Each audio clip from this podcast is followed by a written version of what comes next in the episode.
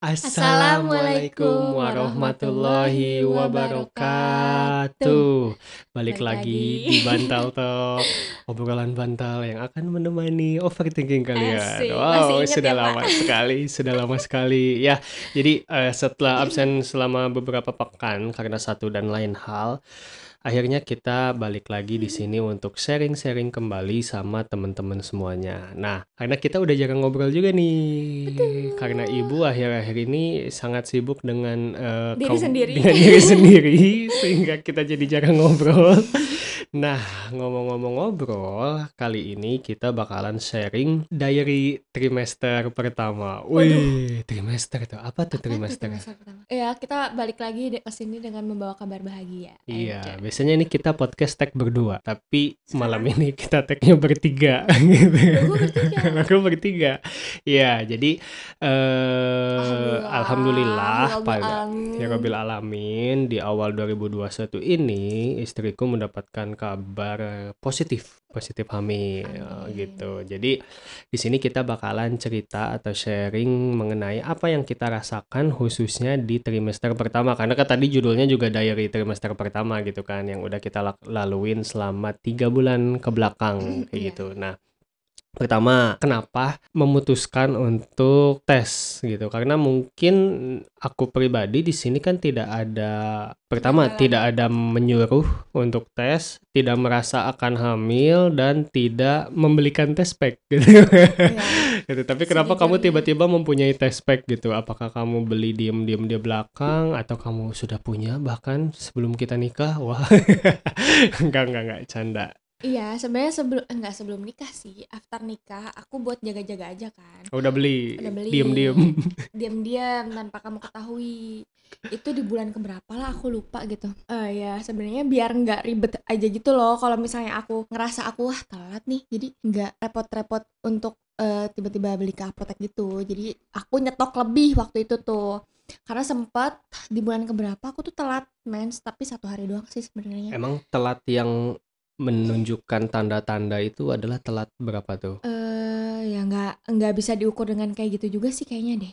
Karena kan Oh. kalau misalnya maupun telat satu hari, telat dua hari atau telat berapa hari pun, kalau misalnya memang hamil ya hamil aja gitu, ngerti kan? Jadi kayak nggak bisa nggak bisa dibilang kalau misalnya telat satu hari itu eh, nggak mens atau eh nggak mens nggak Nggak hamil atau telat dua hari eh, terus hamil nggak juga kayak gitu gitu. Kalau misalnya kita tes di hari pertama Iya. kita telat pun, kalaupun kita hamil ya hamil aja sebenarnya kayak gitu. Hmm. Nah, yang memutuskan untuk aku pada bulan Desember ya. Aku Hmm. Desember ya waktu itu ya buat Setelah libur Natal deh lah kalau ya, nggak salah. sebelum libur. Natal, aku memutuskan, aku ingat banget itu kita pulang dari Bandung. Iya. Terus akhirnya aku ngerasa kok hari aku aku kan punya aplikasi buat menstruasi gitu kan, buat nge-tracking gitu. Namanya apa namanya, Mbak? Aduh, Bisa sharing. namanya apa ya? Aku lupa. Eh, di handphone aku ada. Pokoknya itu aja lah. Pokoknya itu aja ada. Pokoknya kan di aplikasi ya kalau misalnya yang cewek-cewek pasti udah udah nggak udah nggak asing lah yang sama yang kayak gitu-gitu buat nge-track kalau misalnya kita itu uh, mensnya teratur atau enggak yang kayak gitu-gitulah. Hmm. Nah, pas aku nggak tahu tuh hari itu aku udah telat atau belum sebenarnya. Iya. Jadi pagi-pagi tuh tiba-tiba aku kayak random aja pengen lihat kok gue uh, belum ada tanda-tanda gue mau mens nih. Biasanya kan aku kalau misalnya mau mens Lemes. itu kan kayak cranky, nggak lemes sih Sensi. cranky, terus lebih sensi, sensinya bukan sensi marah-marah ya, tapi sensi lebih ke eh, apa Iya. sih kayak Rungsing aja gitu. cepet nangis yang kayak gitu-gitu iya, loh. iya. Hormon. Iya, pokoknya hormonnya udah udah udah ketahuan lah kalau misalnya aku hamin dua atau hamin tiga mau mens tuh. Nah, ini kok aku kayak nggak ada ya happy happy aja gitu loh, kayak nggak ada ngerasa eh, aku pegal-pegal atau kayak gimana. gitu. Terus aku lihat lah tuh si aplikasi, Aplikasi itu. itu. Mm-mm. Terus aku cek kata aplikasinya aku telat dua hari. Mm. Sebenarnya kan kalau misalnya mau dua hari, ya, ah baru dua hari gitu kan. Karena waktu Iya. aku beli test pack itu, ditanya sama mbaknya, mbak emang udah berapa, udah berapa hari, udah berapa hari telatnya waktu itu kan aku baru satu hari kan telat. Iya. Hah, baru satu hari sih, kata aku gitu kan. Eh malah diketawain sama mbak mbaknya ya. Oh, si mbak-mbaknya Iya, eh. nyebelin banget ya.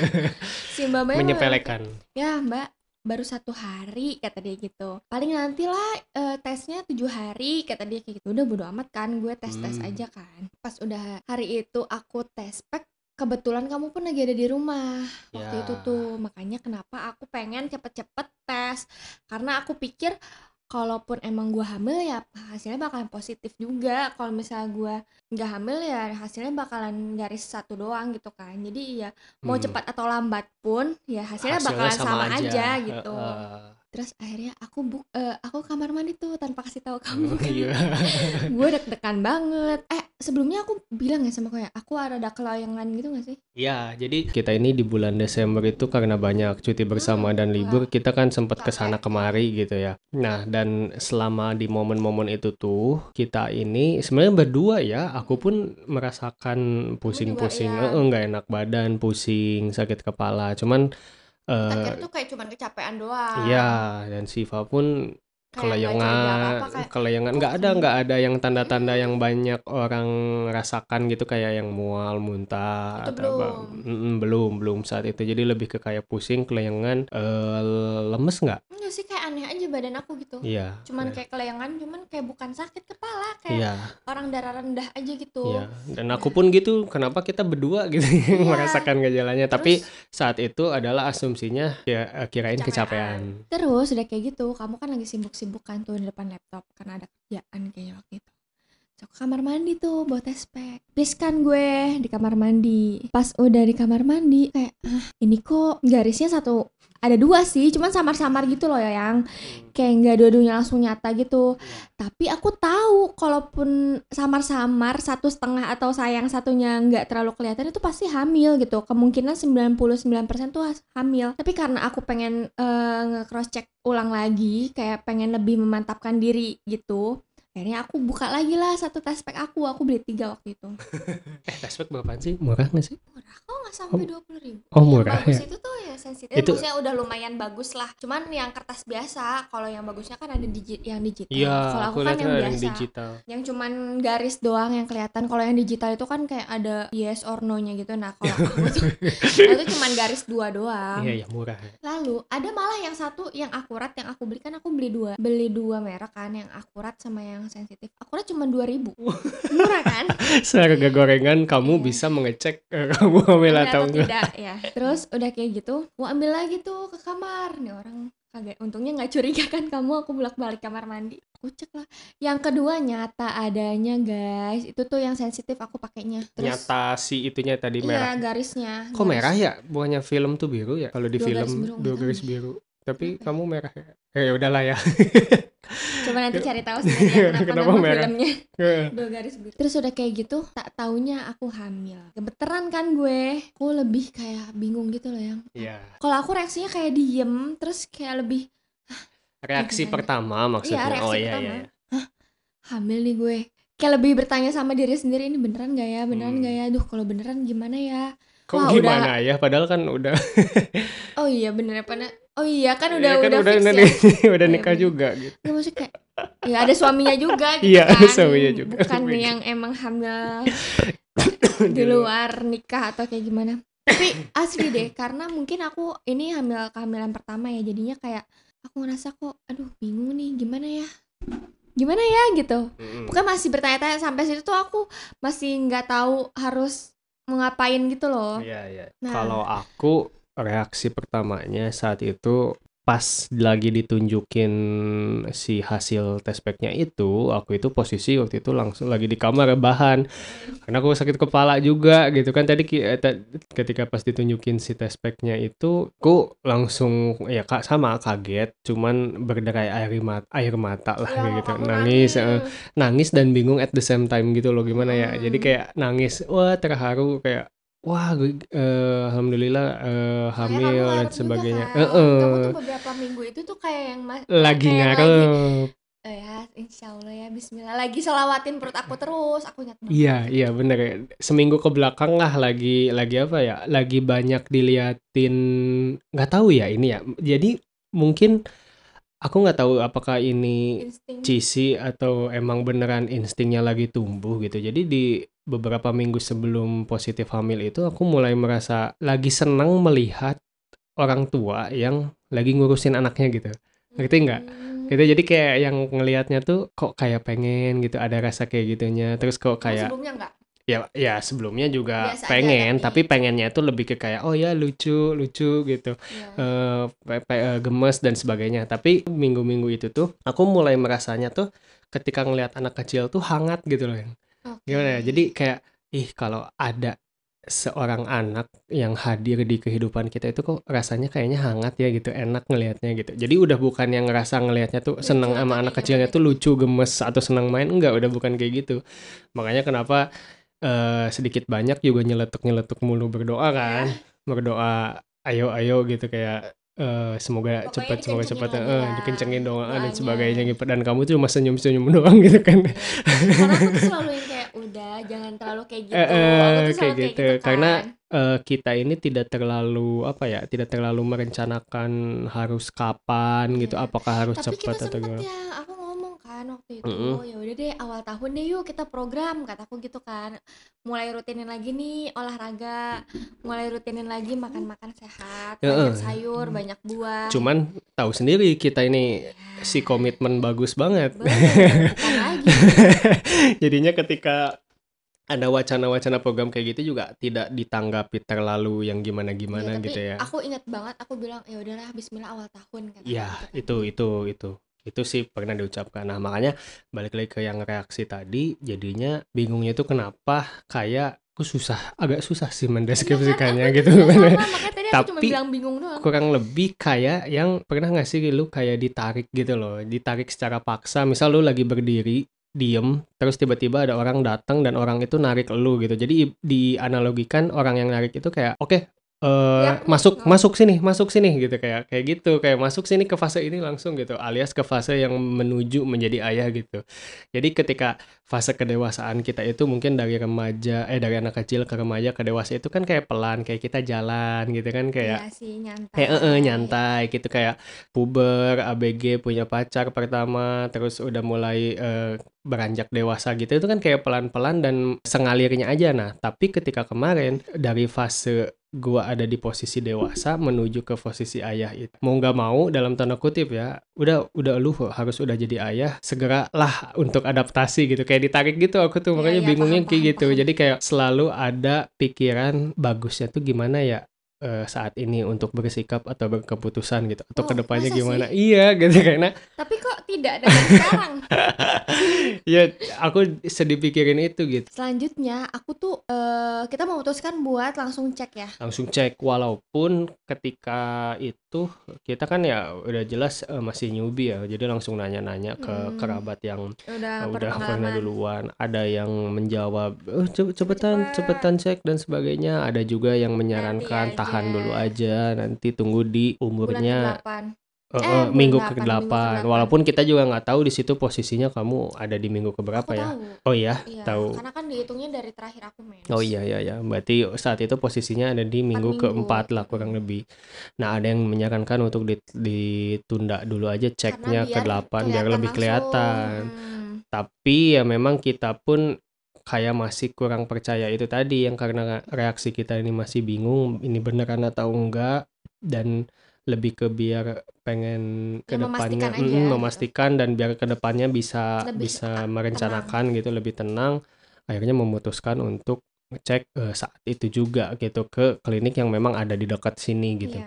Langsunglah kamu ya daftarin aku ya. Langsung langsung, selangsung Nah, itu. pas ngecek, pas nyampe sana ngecek, ketemu dokternya ternyata memang belum kelihatan sama sekali Tidak si ada apa-apa yang bisa dibahas kantung gitu. rahimnya pun belum kelihatan. Iya, baru Baru menebal.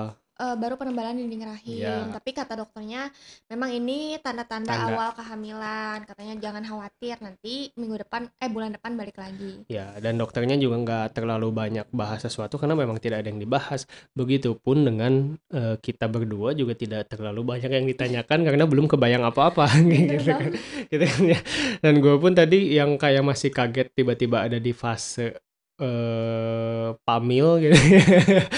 Terus Hamil. jadi jadinya bingung gitu, apa yang harus gua jaga, eee, dari kehamilan ini atau apa yang harus gua perhatikan lebih gitu. Makanya nggak nanya apa-apa juga saat itu gitu. Nah, terus ya setelah itu kita mulailah menjalani hari-hari yang setiap harinya mungkin mulai ada perubahan-perubahan yang cukup signifikan gitu ya. Parah Per- sih. Pertama dari nafsu makan. Nafsu makan itu jujur di sini eh, gua yang paling nurun. Iya. Di Jadi awal makan. kehamilan, di awal kehamilan kemarin itu nggak tahu kenapa gue jadi nggak nafsu ma jadi kurang nafsu makan. Kenapa kurang nafsu makan? Padahal saat itu posisi juga eh, istri nggak terlalu banyak muntah atau mual yang bikin guanya ikutan mual gitu, enggak. Tapi emang simply karena nggak nggak pengen makan aja gitu. Entah juga karena banyak pikiran atau kayak gimana. Masalahnya kamu tuh dari yang orang nafsu makan banget, Beb. Jadi Iya. pas aku ngerasa kok kamu jarang makan, kamu ditawarin makan kok nanti aja, nanti aja, yang kayak gitu-gitu. Makanya kenapa nih orang jadi jadi malah nggak nafsu makan dibanding gue walaupun aku kalau kalau aku kan emang orangnya kalau makan ya sebutuhnya aja kan Hmm. kayak gitu jadi pas kamu nggak nafsu makan teh aku ngelihatnya aneh gitu yang Iya, iya dan berat turun juga ya saat itu ya. iya dan berat jadi turun lagi waktu Ya, itu kan. dan kalau sebaliknya kalau istri waktu itu aku lihatnya malah makan sih masih ini malah makin banyak malah kamu banyak banyak minta pengen ini pengen itu kan masih ya entah di itulah yang disebut ngidam apa gimana gitu tapi ya lebih banyak minta lah di awal-awal kehamilan itu tapi yang jadi catatan adalah kamu masih bisa makan dengan dengan tenang dan dengan eh, apa ya bisa makan apa pun gitu. Lalu ketika berjalan di minggu kelima. minggu selanjutnya di situlah mulai kembali ada perubahan yang eh, lumayan kerasa gitu ya. Mulai banyak mual ya. Mm-mm. gimana tuh? Wah parah sih. Itu aku ngerasa kayak apa ya Perjuangan seorang ibu tuh baru dimulai gitu lah yang. Itu asli Aku minggu keempat tuh jumawa kan ke temen aku Kayak kok Iya, gue gak nggak ngerasain, ngerasain apa-apa? apa-apa. Kayak gue masih nafsu makan malah yang Masih enggak. semangat Masih mau nyetrika Masih segala macem. Pekerjaan rumah tuh aku bisa tanganin gitu. Kayak masak kayak gitu-gitu Aku masih masak kan waktu itu. Ya Nah pas masuk minggu kelima lima enam. bangun tidur tuh aku udah mual-mual. Udah nggak bisa banyak ba- banyak gerak eh, untuk keluar. Tiba-tiba aku nggak suka bau bawang. Tiba-tiba aku nggak suka bau masak-masakan apa pun itu. Nah ini dengan dengan dia menyebutkan bawang misalnya gitu itu otomatis jadi kebayang di kepalanya dan dia pun langsung jadi mual saat ini gitu nah jadi ini gua gantiin sedikit ceritanya yang aku dari Iya, dari sisi aku gitu ya. Jadi kurang lebih di minggu ke eh, enam tujuh ya lima enam tujuh itu eh, Siva ini udah mulai mulai merasakan eh, mual secara intens eh, secara hebat gitu. Jadi mulai dia dari bangun pagi itu udah pasti dia nyetor ke WC gitu. Eh, morning sickness gitu mulai gini terus eh, yang tadi disebut udah nggak bisa nyium bau dan itu tuh bener-bener drastis gitu loh yang tiba-tiba nggak bisa gitu. Jadi eh, bukan yang emang pelan-pelan gitu dari yang bau apa dulu terus eh, dari yang misal baru bau masakan dulu terus eh, ganti ke yang lain gitu. Enggak gitu. Ini tuh bener-bener langsung semuanya blok nggak bisa gitu. Jadinya gue jadi jadi sebagai yang melihatnya jadi kaget juga gitu. Kok jadi jadi nggak bisa apa-apa. apa-apa gitu. Mulai dari dia nggak bisa masak. Gua kira oh ya udah nggak bisa masak doang nggak bisa nyium bawang doang. Tapi ketika gua gantiin dia masak nasi juga ternyata dia tidak bisa eh, mencium baunya gitu. Terus tiba-tiba ke- eh, ketika gue mandi gua pakai sampo dipro- lucu diprotes juga dia nggak bisa nyium bau samponya gitu sampo yang gue pakai. Oke udah beres mandi gitu. Gua mengkompromikan diri untuk menghilangkan bau habis mandi ini. Misal makan nih gue cuci tangan pakai sabun cuci tangan. Itu pun dia tidak bisa mencium sabun cuci tangannya gitu. Jadi bener-bener di minggu-minggu eh, 5, 6, 7 itu tiba-tiba plek bis, sampai bisa di list bau atau hal apa yang dia tidak bisa toleransi gitu. Bener-bener listnya itu langsung banyak gitu yang nggak nggak satu-satu atau nggak pelan-pelan kayak yang tadi gue sebutin gitu. Makanya di sini jadi jadi sangat kaget kayak gitu. Nah itu yang pengen eh, aku tanyain rasanya tuh gimana sih? Maksudnya tiba-tiba bisa nggak kayak gitu? Dan mungkin yang paling gua agak apa ya greget gitu ke dia ini sampai nggak bisa minum air putih yang mana air putih ya tubuh kita kan butuh cairan gitu ya. Sementara ini cairan utamanya yang paling bikin kita sehatnya pun dia tidak bisa mencium bahkan meminumnya gitu. Itulah yang langsung bikin gua di antara semua list ya. eh, di antara semua list tadi dia nggak bisa A B C D E F G yang nggak bisa minum air putih inilah yang bikin gua cukup khawatir karena takut dehidrasi gitu kan. Nah, rasanya tuh gimana sih? Rasanya susah dijelaskan sih sebenarnya yang itu tuh ya terjadi begitu aja tanpa aku pun tahu dan bisa kontrol gitu karena kan ya biasanya aku juga aku malah seneng gitu bau nasi baru dimasak atau yang kayak gitu-gitu aku seneng kan tapi pas hamil itu bener-bener deh semua bau tuh kayak penciuman aku tuh kayak 10 kali lipat lebih tajam gitu loh dibanding manusia pada umumnya. Jadi misalnya tetangga masak pun aku tahu dan dia lagi mis- misalnya dia lagi masak bawang, numis bawang gitu ya. Aku tahu sampai aku tuh nggak berani keluar kamar. Semua akses jendela, pintu itu harus ditutup. Bener-bener aku bisa muntah-muntah. Nah, kenapa? Kenapa aku mengurangi dan kayak menghindari banget kenapa bi- eh, biar aku nggak muntah karena aku ngerasa aku tuh makan aja udah susah gitu. Buat masuk makanan ke diri aku itu aku udah susah banget kan. Hmm. makanya aku menjaga supaya dia nggak keluar lagi. Kalau enggak nanti anak aku makan apa? Aku mikirnya kayak gitu. Karena aku malas makan juga kalau misalnya habis muntah kayak jadi kayak nggak nafsu makan lagi gitu loh. Ya. Nah, gitu. Nah perasaannya kayak nggak bisa aku kontrol. Jadi terjadi begitu aja. Tiba-tiba aku ngomong kan sama kamu yang tutup pintunya. Yang nasinya eh tutup eh, magicomnya dicabut aja biar dia nggak ngeluarin uap terus. Yang jangan masak dulu aku aku mual kataku pokoknya banyak hal-hal yang kayak gitu yang terjadi secara spontan aja kan sebenarnya bukan yang tim. Yang kayaknya aku bau ini nggak bisa deh. Tanpa kamu tanpa aku konfirmin ke kamu dan aku konfirmin te- terhadap diri aku sendiri pun itu udah terjadi secara alami aja gitu. Dan pas aku baca-baca mm, nggak cuman aku aja ternyata hal-hal yang kayak gitu tuh umum dirasakan oleh ibu-ibu hamil pada umumnya kayak gitu. Jadi aku nggak ngerasa khawatir atau kayak emang gini banget ya jadi ibu. Ternyata guys sumpah perjuangan seorang ibu tuh parah sih Nah, ya itu. Jadi kebayang dengan banyak hal yang tiba-tiba tidak bisa dikompromikan itu, kebayangkan suasana rumah tangga menjadi sangat apa ya, sangat rungsing aja gitu jadinya.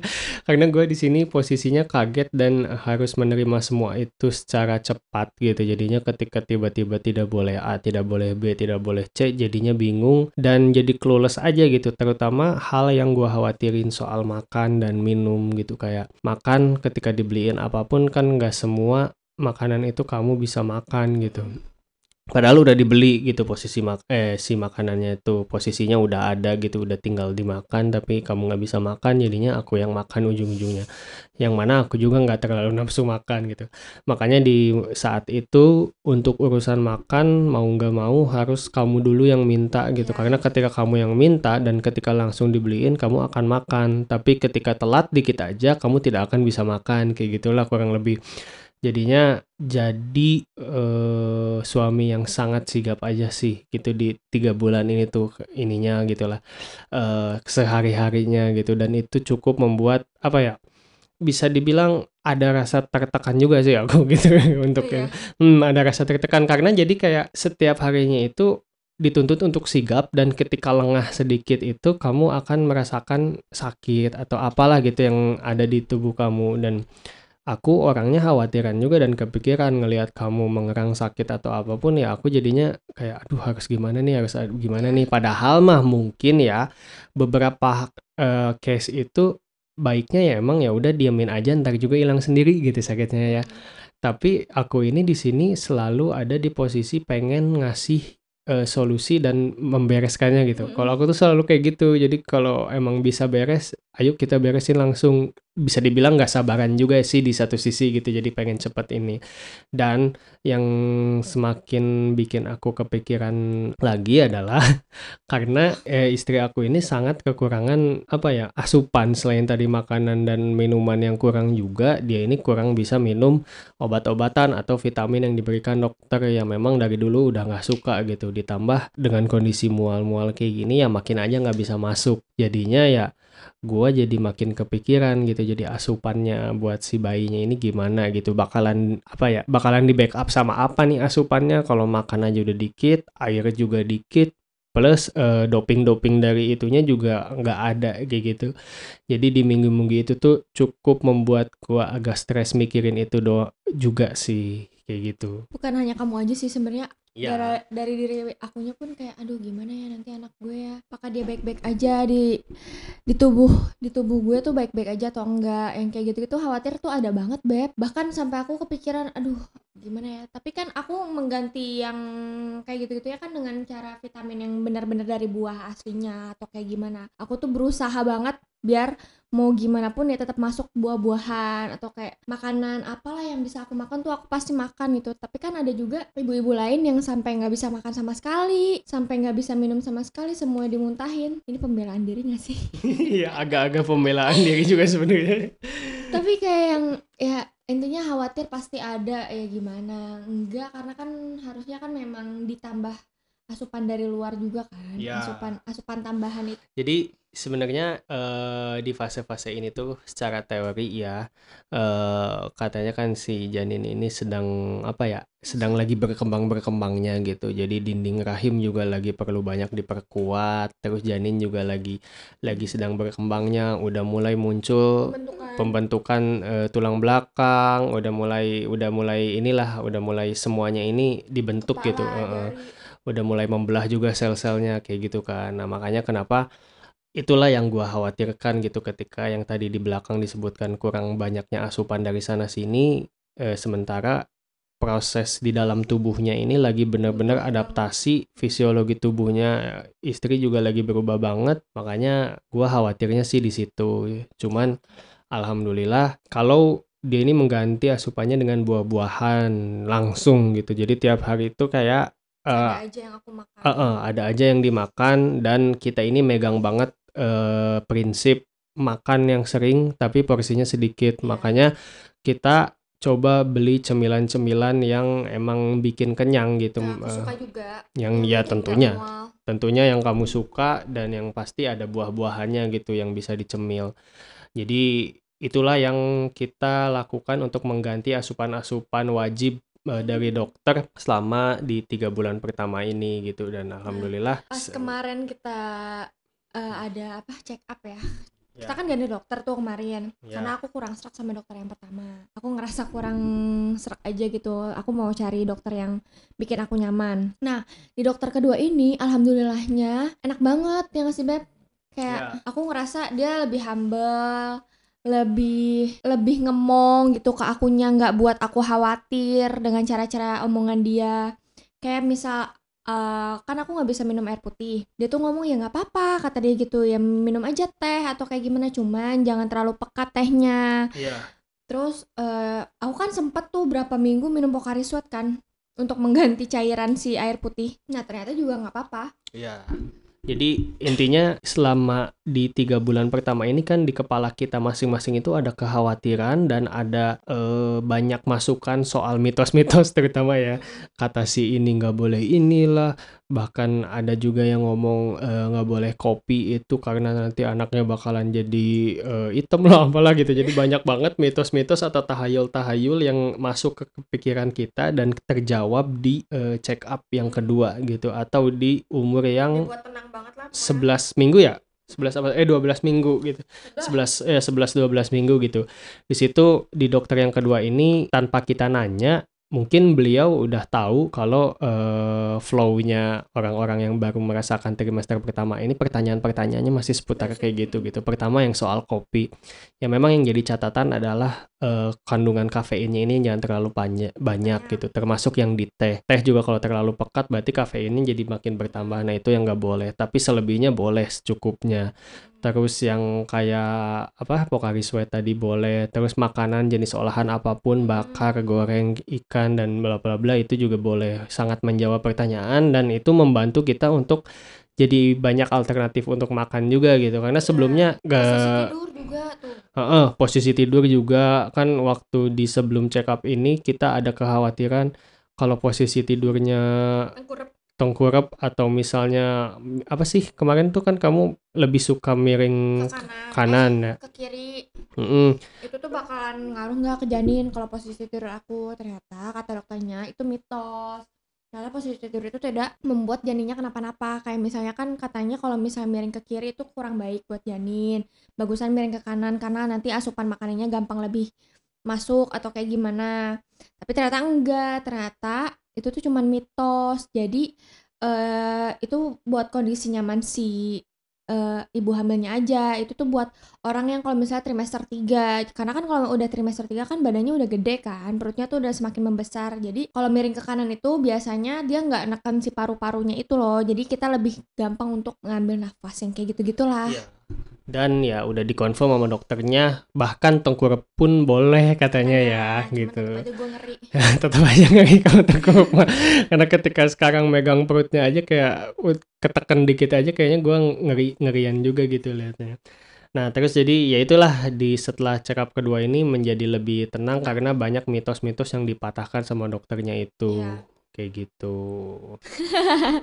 Lucu lah banyak pokoknya ini aja memutuskan untuk eh, bantal talk lagi karena sebenarnya aku kangen sih buat ngobrol-ngobrol kayak gini. Biasanya kan aku sibuk sendiri gak sih? Kita tuh sibuk-sibuk sendiri banget.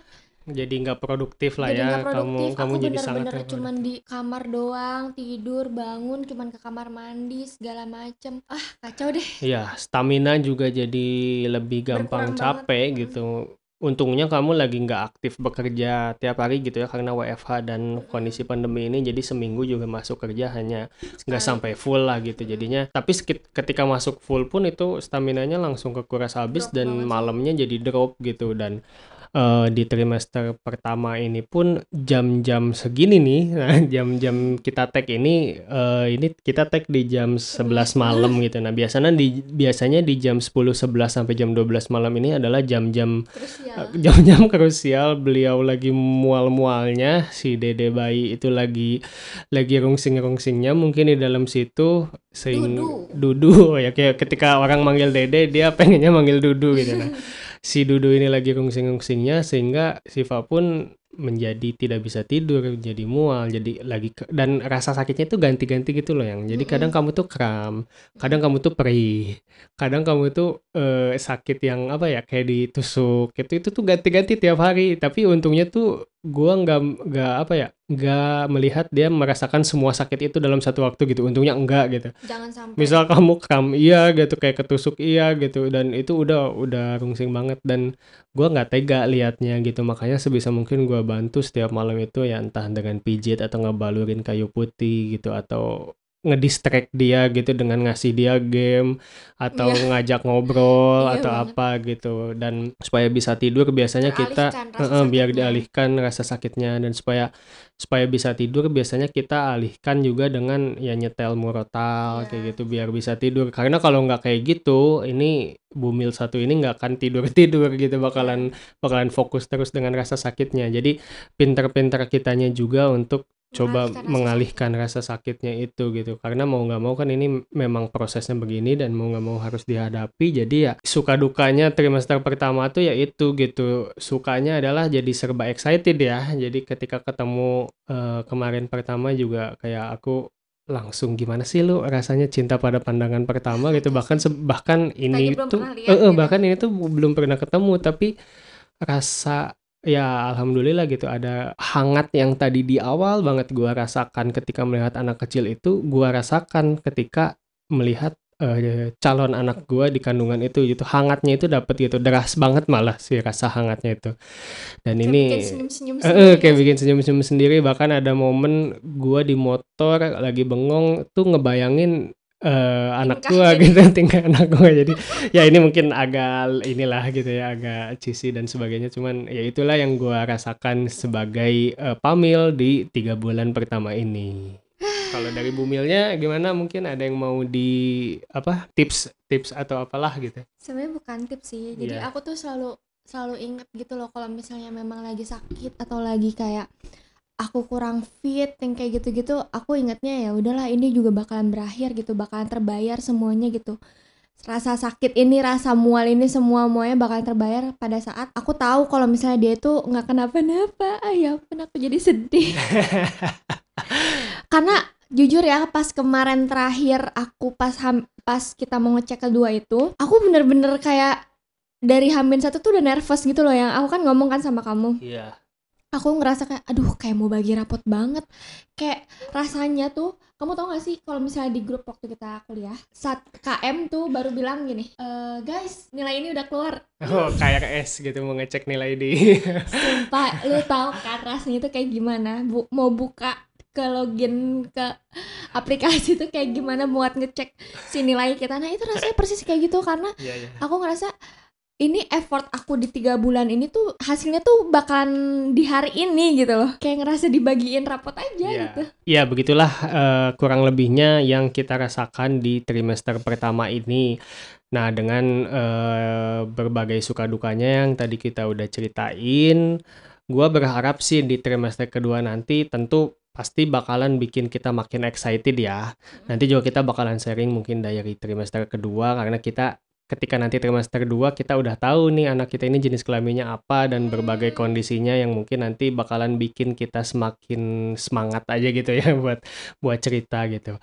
Dan gua berharapnya sih di trimester kedua ini udah mulai apa ya mual gua, gua tidak expect mualnya akan berkurang tapi mudah-mudahan ada perkembangan dari banyaknya asupan yang lebih bisa masuk gitu ke tubuh si istri dan anak gua gitu biar biar makin sehat aja sih kayak gitu. Kalau kamu harapannya apa yang? harapannya lebih ke buat calon buat si Dudu sih sebenarnya karena kan aku ngerasa ya udahlah aku ngelakuin apa yang aku bisa makan gitu. Maksudnya aku bakal ngelakuin apa pun yang bisa aku usahakan kayak gitu loh. Semua ibu pasti seperti itu. Ya maksudnya aku ngelakuin apa pun yang aku bisa supaya dia baik-baik aja di dalam perut aku. Maksudnya aku nggak apa-apa kalau misalnya dia bikin aku mual nggak apa-apa dia bikin aku mm, kayak susah tidur atau segala macem. Karena itu aku mikirnya gini ya udahlah gue nggak apa-apa mual gue nggak apa-apa. Berarti itu kan tandanya berarti dia baik-baik aja gitu. Ngerasa eh maksudnya ada aktivitas. nah ada aktifnya maksudnya dia ngasih sinyal tenang bu gue di dalam sini baik-baik aja kok makanya lo mual kayak gitu. Aku tuh afirmasi positifnya Oh, itu iya, aja iya, iya. gitu maksudnya Paham, ya, paham, ya udahlah nggak apa-apa. Bahkan kalau misal aku nggak kenapa-napa berarti kan aku ngerasa nih kok kayak kemarin dia nggak aktif aja tuh kayak aku ngerasa Dudu lagi ngapain ya kok dia diem aja ya maksudnya biasanya kan jam segini dia lagi gerak-geraknya atau yang kayak gimana iya menggeliat-menggeliat di dalam kerasa. Iya kerasa kan kayak gitu. Jadi ketika dia diem dan akunya jadi nggak mual atau malah aku kayak nagih kok gue nggak kenapa-napa ya. Kok si Dudu diem aja ya.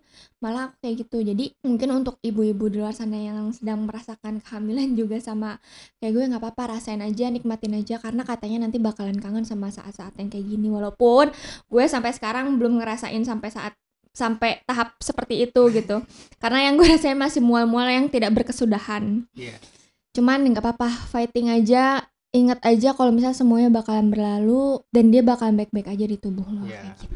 Amin, amin. Makanya luar biasa perjuangan seorang ibu ya, apalagi ibu-ibu yang ada di apa ya di tahun ini eh, apa bukan maksud aku ibu-ibu yang ada di tahun 19 berapa lah gitu yang Oh, iya, iya, ketika iya, punya iya, anak iya, tuh iya. pasti bukan nggak kayak sekarang gitu punya anak tuh paling cuma dua tiga tapi kan ibu-ibu zaman dulu tuh punya anaknya pasti di atas lima gitu kebanyakan ya gitu. Makanya hebat bisa melewati banyak masa kehamilan kayak gitu sih. Nah ya Kalau udah. kamu punya anak berapa? Sedikasihnya aja. Aku tidak tidak ambis eh, harus punya berapa berapa yang penting yang penting sedikasihnya aja. Oke ya udah mungkin ya udah jam-jam krusialnya udah saya pamit undur diri ya Heeh, sudah mulai mual-mual dan sebagainya kayak gitu. Nah, eh, makasih teman-teman yang sudah dengerin Bantal Talk kali ini. Mudah-mudahan nanti kita bisa sharing lagi di Bantal Talk edisi eh, ke depannya dan sehat-sehat selalu buat teman semuanya. Ya. Assalamualaikum warahmatullahi warahmatullahi wabarakatuh. wabarakatuh